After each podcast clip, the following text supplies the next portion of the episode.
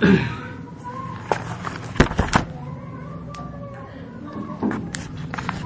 الله الرحمن الرحيم السلام عليكم ورحمة الله وبركاته إن الحمد لله نحمده ونستعينه ونستغفره ونعوذ بالله من شرور أنفسنا ومن سيئة أعمالنا من يهده الله فلا مضل له ومن يضلله فلا هادي له la ilaha illallah Wahdahu la syarika lah Wa ashhadu anna muhammadan abduhu wa rasuluh Allahumma salli ala nabiyina wa sayyidina Muhammad wa ala alihi wa man tabi'ahum bi yaumiddin. Alhamdulillah kita bersyukur kepada Allah Subhanahu wa taala pada kesempatan sore hari ini kita diperjumpakan kembali oleh Allah Subhanahu wa taala dalam majelis yang mulia yang di mana kita mohon kepada Allah Subhanahu wa taala mudah-mudahan kita diperbaiki setiap urusan agama kita, diperbaiki juga urusan dunia kita dan akhirat kita dan dimudahkan dalam kebaikan dan dijauhkan dari segala macam kejelekan.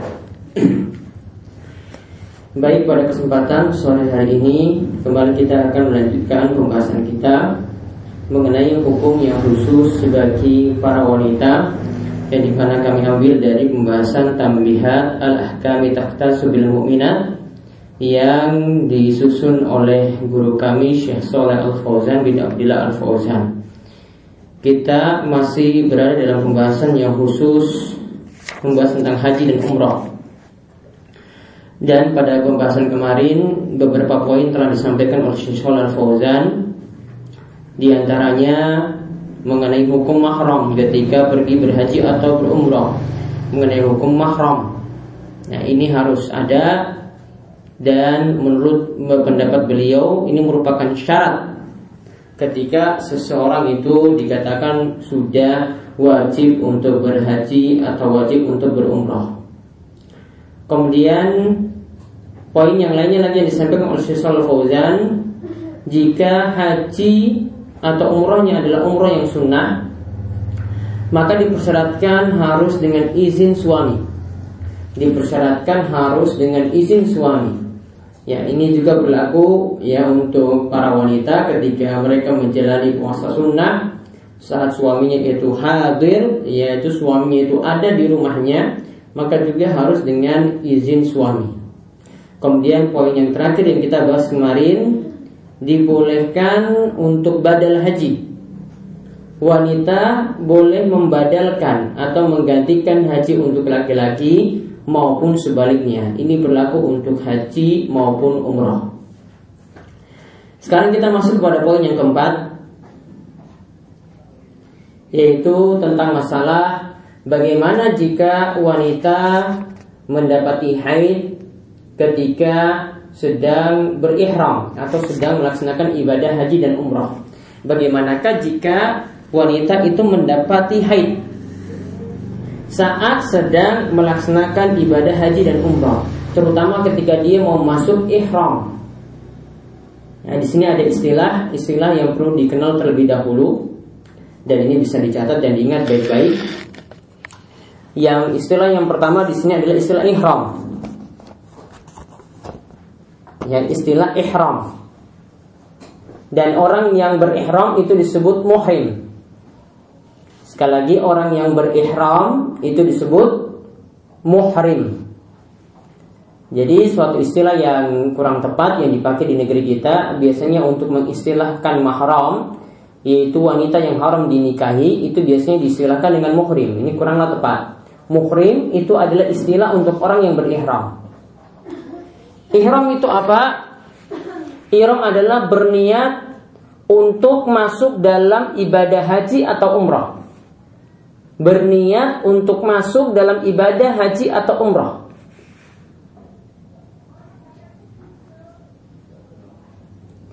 Nah, ketika sudah berniat ini berarti ada larangan-larangan yang tidak boleh dilakukan ketika sudah berihram. Ada larangan-larangan yang ada larangan-larangan yang tidak boleh dilakukan ketika sudah berihram. Nanti akan saya sebutkan beberapanya nanti kalau setelah uh, di tengah-tengah pembahasan. Di antaranya misalnya kalau laki-laki tidak boleh memakai baju yang membentuk lekuk tubuh, pakai jas. pakai baju kaos, pakai kemeja, pakai celana sirwal. Yang dibolehkan adalah cuma memakai dua helai kain atau membentuk seperti sarung. Tidak boleh memakai pakaian yang membentuk lekuk tubuh. Nah, saat masuk ihram, saat sudah berniat masuk ke dalam ibadah haji dan umroh, maka tidak boleh melakukan larangan-larangan tersebut. Nanti kalau melakukan larangan-larangan yang ada, maka nanti kena hukuman dam, bayar dam. Ya, nanti akan kena hukuman dam atau bayar dam. Nanti ada ketentuannya sendiri. Nah, jadi kalau dikatakan ihram tadi adalah niat, berarti ketika kita masuk haji atau umroh, misalnya kita umroh, maka niatannya nanti diucapkan. Ya, karena sunahnya memang diucapkan dan ini adalah salah satu tempat, ini satu-satunya tempat yang boleh niat itu dijaharkan. Ini karena ada tuntunannya, yaitu ketika masuk dalam umroh misalnya Labaik Allahumma labaik umratan. Ya Allah aku memenuhi panggilanmu untuk berumrah. Yang jelas niatannya dalam hati itu harus ada Sedangkan kalau di lisan itu hukumnya sunnah. Yang jelas niatannya dalam hati itu harus ada Sedangkan di lisan itu hukumnya sunnah. Intinya dia harus ada niatan seperti itu. Kalau sudah masuk niat seperti tadi, maka sudah tidak boleh melakukan larangan-larangan ihram. Maka sudah tidak boleh melakukan larangan-larangan ihram.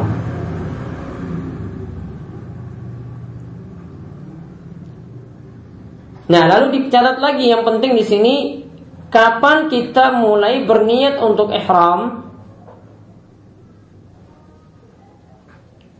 Kapan kita boleh berniat untuk kita mulai berniat untuk ihram? Yaitu jawabannya ketika kita sudah berada di mikot. Ya batasannya ketika kita sudah berada di mikot. Mikot itu ada tempat-tempat tertentu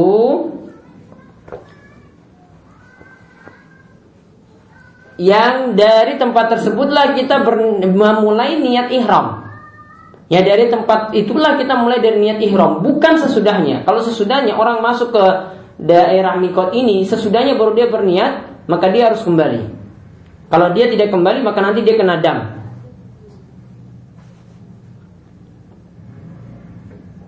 Nah, mikot ini nanti ada lima tempat.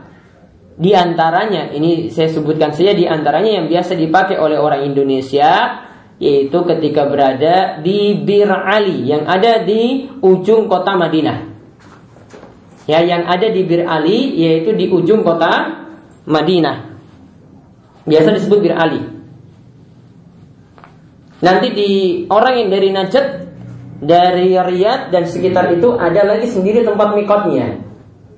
Kemudian nanti yang dari Yaman dari selatan nanti mikotnya di Yalamlam. Nah hadis di dalam hadis itu dikatakan bahwasanya yang namanya ihram itu harus ada niatan ihram tadi itu harus ada sebelum melewati mikot. Artinya batasannya itu mikotnya. Jadi seandainya jamaah haji itu atau jamaah umroh itu dari Indonesia dan ingin langsung melaksanakan umroh di Mekah, tidak mampir ke Madinah, namun dia langsung masuk ke Mekah, maka harus ada niatan ihram sebelum masuk mikot tadi. Nah, misalnya kalau dari Indonesia, kita itu nanti akan melewati tidak sampai ke Madinah. Ya, namun pertama kali mikot yang akan dilewati itu adalah daerah Ya Lam Lam. Ya, ingat ya, daerah yang Lam Lam. Biasanya kalau di pesawat itu nanti akan diberikan tanda bahwasanya sebentar lagi kita akan masuk mikot. Biasanya kalau di pesawat Saudi Arabia, ya itu ada uh, aba-aba dari pramugari dia akan memberitahukan bahwasanya sebentar lagi kita akan masuk mikot maka sebelumnya itu orang-orang sudah memakai pakaian ihram sudah menggantinya dengan pakaian putih-putih. Dan perempuan sudah memakai pakaian ihramnya juga yaitu memakai pakaian sebagaimana yang mereka biasa pakai Nah intinya di sini ketika masuk daerah sebelum masuk Yalam Lam tadi meskipun sedang di pesawat ya karena ketika itu memang di pesawat. Maka saat itu yang dia lakukan adalah saat mau masuk Yalam Lam itu nanti sebentar lagi sekitar mungkin 15 menit atau setengah jam lagi itu masuk ke Jeddah. Ya jadi Jeddah itu bukanlah tempat mikot namun sebelumnya. Maka ketika itu mengucapkan niat ketika berihram yaitu labbaik umrotan ini bagi yang ingin langsung melakukan umroh langsung ke Mekah atau melakukan haji langsung ke Mekah tidak mampir ke Madinah terlebih dahulu. Kalau dia mampir ke Madinah atau pesawatnya langsung ke Madinah, maka nanti dia mengambil mikot ketika berada di Bir Ali. Biasanya kita sebut dengan Bir Ali. Nah sekarang yang tadi kita kembali ke masalah wanita yang sedang mengalami haid. Apakah dia ketika mengalami haid boleh melakukan ihram untuk umroh maupun haji. Apakah wanita haid ataupun nifas yang sedang dalam keadaan halangan seperti itu, apakah dia boleh berniat ihram untuk haji dan umrohnya tadi? Maka jawabannya itu boleh. Intinya di sini yang namanya ihram kata Syaikhul Fauzan la tushtaratu lahu tahara. Tidak dipersyaratkan harus bersuci. Ya tidak dipersyaratkan harus bersuci. Nah inilah ada satu ibadah, ada ibadah-ibadah tertentu yang kita dipersyaratkan untuk bersuci ketika masuk. Yaitu harus bersih dari hadas kecil maupun hadas besar. Ketika ingin melakukannya harus bersuci. Ya. Dan ada ibadah yang di situ tidak dipersyaratkan untuk bersuci. Seperti yang kita sebutkan di sini yaitu ihram. Sedangkan yang dipersyaratkan untuk bersuci misalnya sholat. Kemudian ya ini terutama sholat e, kalau untuk wanita berarti suci dari haid dan nifas. Kemudian puasa. Puasa juga wanita harus suci dari haid dan nifas. Kemudian menyentuh mushaf Al-Quran pada wanita juga demikian dipersyaratkan juga dia harus suci. Kalau dia dalam keadaan haid dan nifas, maka diperbolehkan dengan dia menggunakan sarung tangan tanpa menyentuh langsung. Nah, sedangkan yang di sini tadi ibadah ihram niat untuk masuk ke dalam ibadah haji dan umrah tidak dipersyaratkan bersuci. Contohnya lagi kalau dalam ibadah umrah yang tidak dipersyaratkan bersuci adalah melakukan sa'i, yaitu berjalan dari sofa menuju marwah berjalan dari sofa dan menuju marwah tidak dipersyaratkan bersuci. Kalau dalam ibadah haji, contohnya tidak dipersyaratkan bersuci seperti wukuf di Arafah. Kemudian uh, mabit di Musdalifah, mabit di Mina, melempar jumroh. Semuanya tadi tidak dipersyaratkan bersuci. Yang dipersyaratkan bersuci artinya suci dari haid dan nifas dalam ibadah haji maupun umrah yaitu melakukan tawaf. Jadi kalau tawaf itu saja yang dipersyaratkan bersuci. Kalau kita misalnya melakukan umrah sedangkan e, wanita itu mengalami haid, maka saat itu dia cuma bisa nantinya berihram untuk melakukan tawaf dia harus tunda. Dan syarat untuk melakukan sa'i itu harus berbarengan dengan tawaf. Ya berarti sa'inya juga ditunda setelah dia itu dalam keadaan suci setelah melakukan tawaf. Intinya di sini kita kembali tadi wanita yang mengalami haid masih boleh berniat ihram.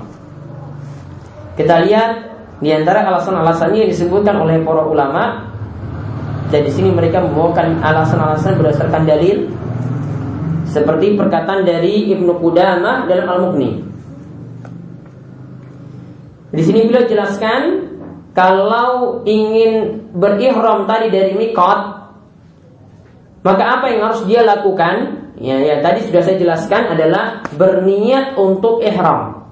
Kemudian beliau menyebutkan Ibnu Qudamah menyebutkan dalam Al-Mughni di sini disebutkan oleh Syekh Shalal Fauzan wa jumlatu dzalik secara umum pokoknya anal iktisal masyru'un lin nisa indal ihram kama yushra'u lirijal Walaupun wanita itu nanti mengalami haid, tetap wanita itu juga diperintahkan untuk mandi. Ketika berihram, sebagaimana laki-laki juga ketika berihram juga diperintahkan untuk mandi. Berarti di sini Ibnu Qudamah menyimpulkan wanita haid tetap mandi. Karena ingat ya di antara yang dilakukan ketika kita berada di mikot yaitu ketika berniat ihram yaitu disunahkan untuk mandi. Mandinya tidak wajib, namun disunahkan untuk mandi. Mandinya gimana? Ya pokoknya kita mandi untuk bersih-bersih diri. Nanti akan disebutkan uh, lagi oleh Syaikhul Fauzan di sini. Jadi wanita itu nanti tetap mandi. Sebagaimana laki-laki juga akan mandi ketika dia itu ingin berniat berihram. Li'annahu nusuk karena yang namanya ihram itu termasuk nusuk bagian dari ritual haji. Nah, ihram ini termasuk nusuk ritual haji baik itu itu uh, baik pada wanita yang mengalami haid maupun wanita yang mengalami nifas.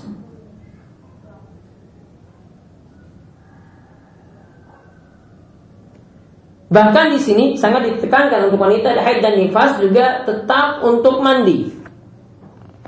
Di antara dalilnya adalah hadis dari Jabir. Dia mengatakan bahwasanya uh, ketika itu kami mendatangi Zulhulaifah, salah satu tempat mikot. Zulhulaifah. Ketika itu Asma binti Umais itu melahirkan. Ya. dan Asma binti Umais. Dia ketika itu melahirkan Muhammad bin Abi Bakar. Fa'arsalat ila Rasulullah sallam kaifa asna. Lihat ya, jadi ketika mau pergi berhaji saja ada yang dalam keadaan hamil. Dan ketika dia melaksanakan ibadah tersebut melahirkan saat di tempat ihram. Ya, di, melahirkan saat di tempat mikot. Maka ketika itu diutus diustuslah ya kepada Rasulullah SAW untuk bertanya kaifa asna. Bagaimanakah yang mesti aku lakukan? Kata uh, Asma seperti itu. Kemudian Nabi SAW memerintahkan kepada Asma ya iktasili wastasfiri bisaubin wa aharimi. Hendaklah engkau untuk mandi. Walaupun engkau dalam keadaan nifas ketika itu. Wastasfiri bisaubin dan hendaklah memakai pakaian ketika itu dan berihramlah.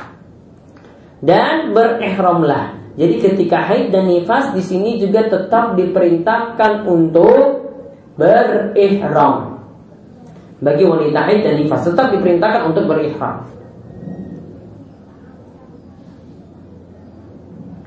Kemudian ada riwayat juga dari Ibnu Abbas dari Nabi SAW. Ia berkata, Nabi SAW itu bersabda, An-nufasa wal haqid idza ataya al waqti yahruman wa al manasik kulliha ghairu tawaf bil bait. Kata Nabi SAW, wanita nifas dan wanita haid ketika sampai pada waktu untuk berihram, maka hendaklah mereka berihram. Lalu mereka menunaikan ibadah-ibadah yang ada dalam haji atau umrohnya seluruhnya kecuali melakukan tawaf bil bait, tawaf keliling Ka'bah.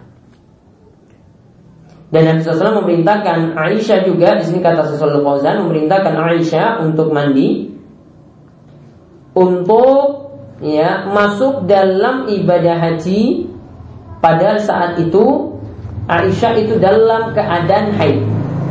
Jadi wanita haid ataupun wanita nifas intinya tetap mandi untuk berihram. Lalu apa hikmahnya? Kok wanita yang sedang haid atau nifas tadi kok diperintahkan untuk mandi? Di sini dijelaskan oleh Syaikhul Fauzan, wanita yang haid atau nifas diperintahkan untuk mandi saat ihram. Itu di antara tujuannya yang pertama untuk bersih-bersih diri. Ya, yang pertama adalah untuk bersih-bersih diri. Kemudian yang kedua, waqat urraiha al-kariha lidafi adaha anin nasi inda istima'ihim. Dan yang kedua untuk menghilangkan bau-bau yang tidak enak saat nanti dia mesti berkumpul dengan orang banyak.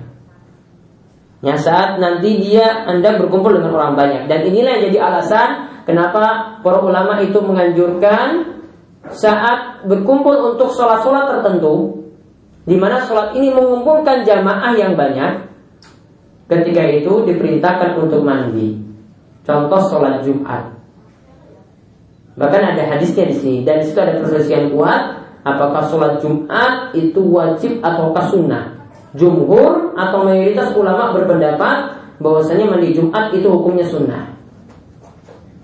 Kemudian lagi misalnya dalam mazhab Syafi'i disebutkan oleh Al-Qadi Abu Syuja yang diperintahkan lagi untuk mandi karena di situ nanti berkumpul orang banyak yaitu sholat gerhana. Begitu juga sholat untuk sholat Aid disunahkan untuk mandi ketika itu. Karena saat itu nanti akan berkumpul orang banyak. Bahkan untuk ritual-ritual haji sekalipun ketika itu banyak orang yang nanti akan berkumpul seperti wukuf di Arafah, seperti mabit di Musdalifah, mabit di Mina. Ketika itu ketika ingin melakukan hal-hal tadi di mana akan berkumpul orang banyak, maka diperintahkan untuk mandi. Kemudian tujuannya lagi untuk mandi bagi wanita haid dan nifas ketika berihram yaitu takfifin najasah yaitu untuk meringankan najis-najis yang ada artinya menghilangkan sedikit-sedikit najis yang ada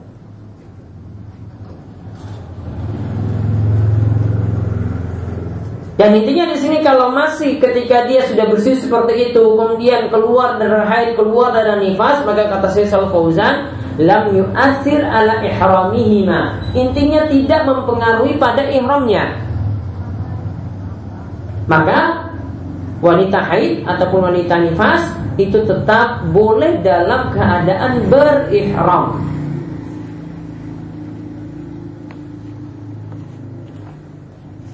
Nah kemudian dalil yang lainnya lagi Ini menunjukkan bahwasanya Wanita haid dan nifas ketika berihram Juga ada larangan yang tidak boleh dilakukan. Kalau ihram tadi dia boleh lakukan, namun kalau untuk tawaf tidak boleh dilakukan. Apa dalilnya? Yaitu di sini hadis tentang Aisyah radhiyallahu anha. Aisyah pernah mengalami haid dan dia ingin melaksanakan umroh. Maka ketika itu dia menemui Nabi SAW wahiyata beki dan Aisyah saat itu dalam keadaan menangis. Kemudian Nabi SAW itu mengatakan ma yabkiki la'allaki nafasti. Kenapa engkau menangis wahai Aisyah? Seakan-akan ya, se uh, mungkin saja apakah mungkin engkau itu dalam keadaan haid? Ingat di sini ya para akhwat sekalian Nabi SAW itu mengatakan nafisti dengan kata nifas ya nafisti dengan kata nifas. Jadi kadang di dalam dalil itu disebutkan nifas tetapi yang dimaksudkan sini adalah haid. Kata nifas yang dimaksudkan sini adalah haid. Maka dalam beberapa hukum haid dan nifas itu sama. Dalam beberapa hukum haid dan nifas itu sama. Kecuali dalam satu perkara. Siapa yang tahu? Kalau haid dan nifas itu rata-rata hukumnya sama semuanya. Haid tidak boleh sholat, nifas juga tidak boleh sholat. Haid tidak boleh puasa, nifas juga tidak boleh puasa. Dalam satu masalah yang tidak boleh, eh, yang haid dan nifas itu berbeda. Dalam masalah hukum. Apa? Dalam masalah apa? Para akhwat. Hmm? Yang mempengaruhi hukum ibadahnya. Dalam masalah apa?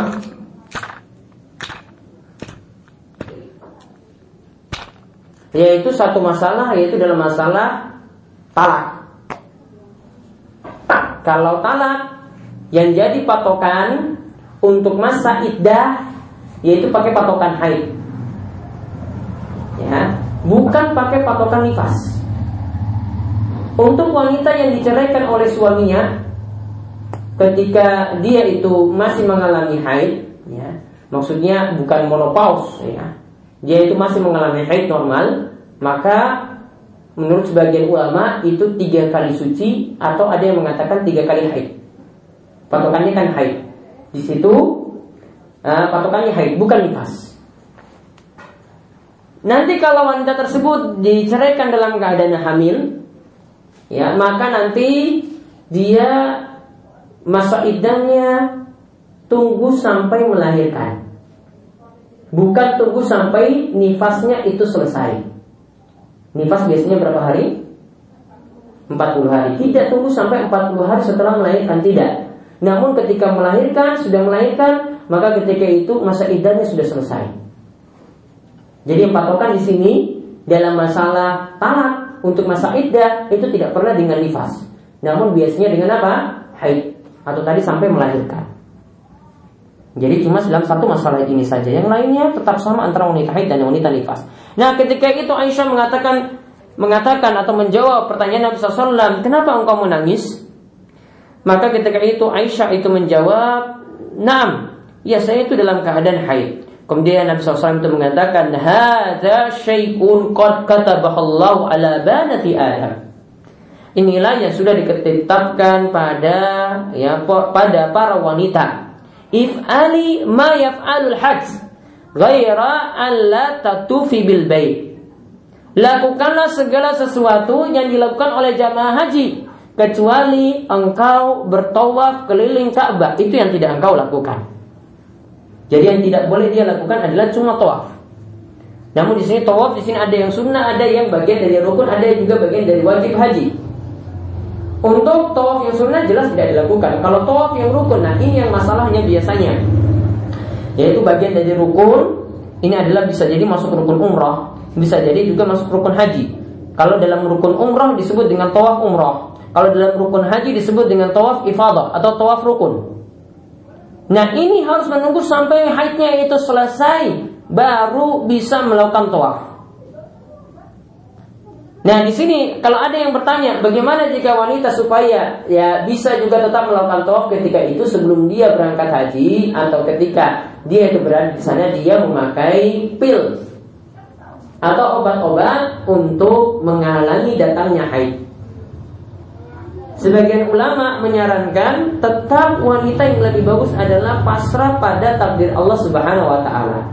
Namun kalau seandainya dia memakainya itu masih dibolehkan karena beberapa ada beberapa perkataan dari salaf itu memperbolehkan untuk memakai obat penghalang haid. Kalau dia memakai obat penghalang haid, haid lantas tidak haid, maka dia diperlakukan seperti wanita yang tidak mengalami haid. Artinya dia bisa melakukan tawaf, ifadah, bisa melakukan tawaf, umroh ketika itu. Walaupun ketika itu jatuh pada masa kebiasaan haidnya.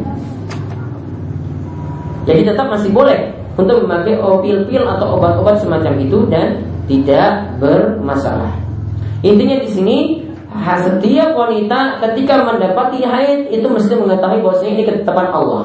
Allah yang tetapkan seperti itu. Ketika dia terhalang melakukan sholat, ketika dia terhalang melakukan puasa, Termasuk juga misalnya ibadah-ibadah yang mulia misalnya sebagian wanita akan mengeluh mungkin ketika pas ketika itu bertepatan dengan puasa Arafah, pas ketika itu bertepatan dengan puasa Muharram, pas ketika itu bertepatan dengan puasa Asyura. Kadang sedih.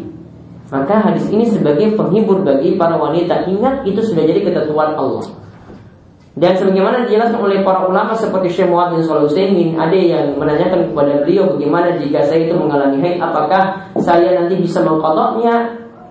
Syekh itu mengatakan bahwasanya kalau itu puasa sunnah maka tidak ada kodok.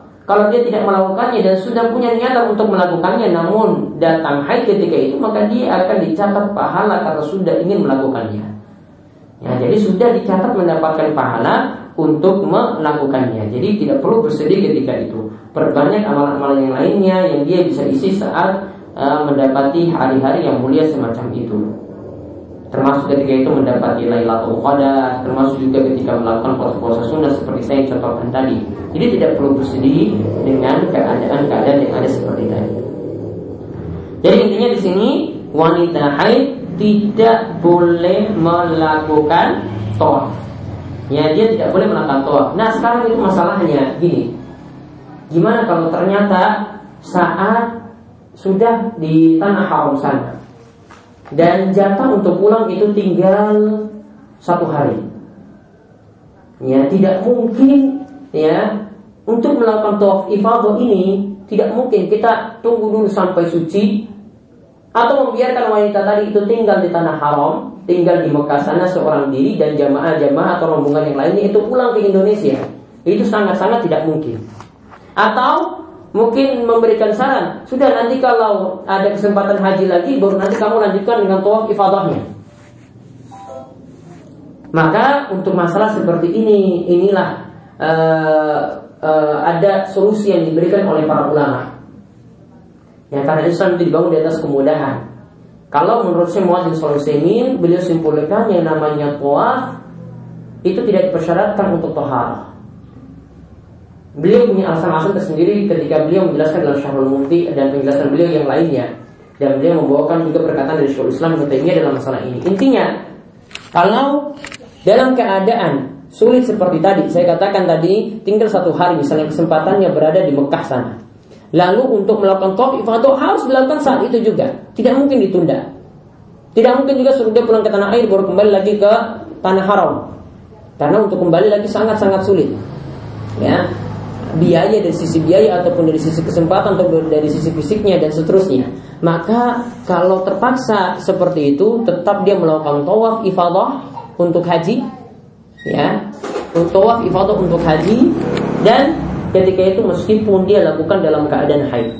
Yang dia tidak lakukan adalah cuma tawaf wada saja. Tawaf ifadah dia lakukan setelah itu dia melakukan sa'i karena sa'i tidak dipersyaratkan tadi untuk tahara tetap masih boleh dilakukan dalam keadaan haid dan dia sudah dikatakan sempurna dalam melakukan ibadah haji. Dan tawaf ifadah tadi ya itu termasuk bagian dari rukun haji. Ya, itu saja yang bisa kami sampaikan untuk kesempatan kali ini. Mudah-mudahan bermanfaat. Dan insya Allah nanti untuk kesempatan berikutnya saya bisa tambahkan dengan penjelasan-penjelasan lebih detail tentang masalah rukun, masalah wajib haji maupun sunnah-sunnah haji dan alur. Ya alur cerita untuk ya haji maupun umroh alur ibadah untuk haji maupun umroh mudah-mudahan saya bisa berikan dalam bentuk makalah. Baik, ada waktu 5 menit jika yang bertanya monggo dipersilahkan.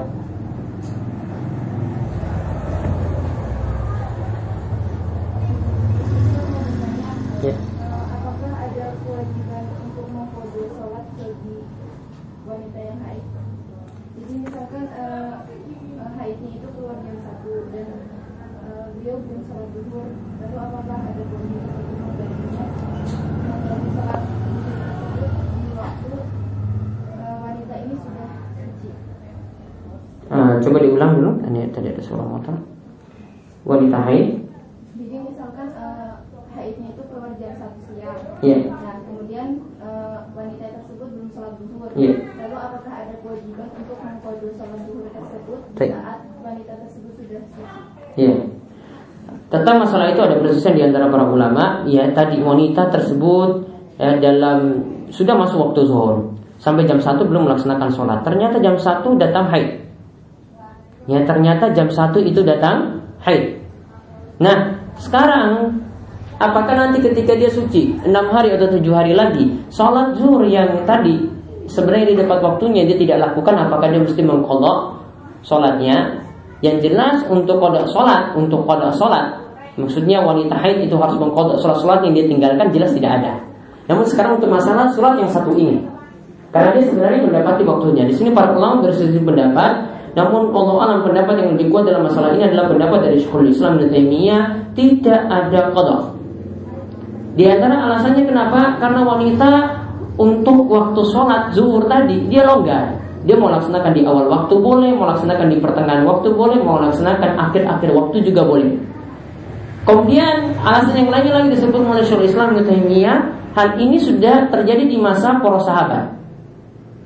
Para wanita di masa sahabat itu sudah ada kasus seperti itu. Namun tidak pernah kita temukan satu riwayat yang memerintahkan mereka seperti contoh tadi mengkodok sholat zuhurnya ketika nanti dalam keadaan suci. Jadi walau alam pendapat ini yang lebih tepat. Jadi tidak ada kodok untuk sholat zuhur tadi. Dengan dua alasan seperti itu. Ada yang lainnya lagi? Waalaikumsalam warahmatullahi wabarakatuh.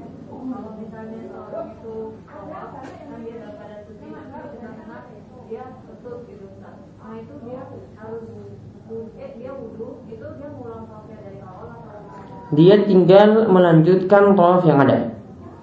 Ya, jadi misalnya dia sudah putaran kedua, sisa lima putaran lagi, dia ambil wudhu dan wudhu di situ bisa dekat atau bisa keluar juga tidak masalah, ya walaupun jauh.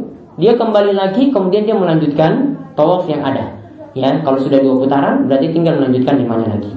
Walaupun dalam masalah ini ada beda pendapat, namun pendapat itu insya Allah yang lebih kuat. Ada pertanyaan lagi? Ya. Jadi ini ada hubungan sama pertanyaan pertama. Jadi kalau misalnya eh, kita misalnya sebenarnya udah cuci dari jam 4 sore misalnya. Misalnya ternyata eh, sebenarnya udah kenyataannya udah suci dari jam 4. Hmm. Kita tuh mungkin kuliah atau apa terus eh, nyampe rumah misalnya jam 6 itu kan Hmm. maghrib. Nah itu apa sholat asarnya itu di pondok atau gimana? Ini muskilah ini. Ini masalah. Harusnya tadi itu dapat waktu asar, langsung mandi, langsung sholat untuk zuhur dan asar sekaligus. Ya, harusnya seperti itu. Kalau kasusnya seperti ini,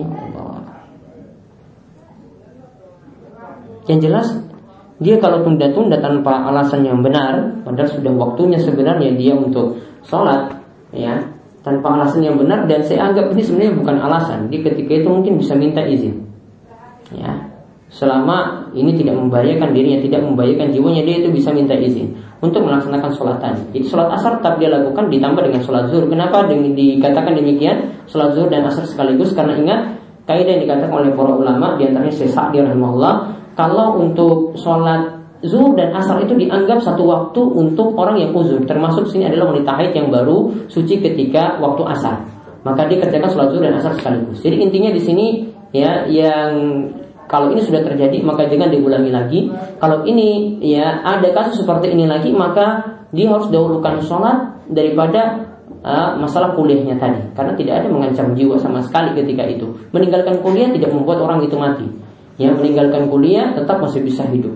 Maka ketika itu dia mendahulukan ibadahnya daripada ya mendahulukan jam kuliahnya tadi. Bolos sekali-sekali tidak ada masalah. Ya satu pertanyaan lagi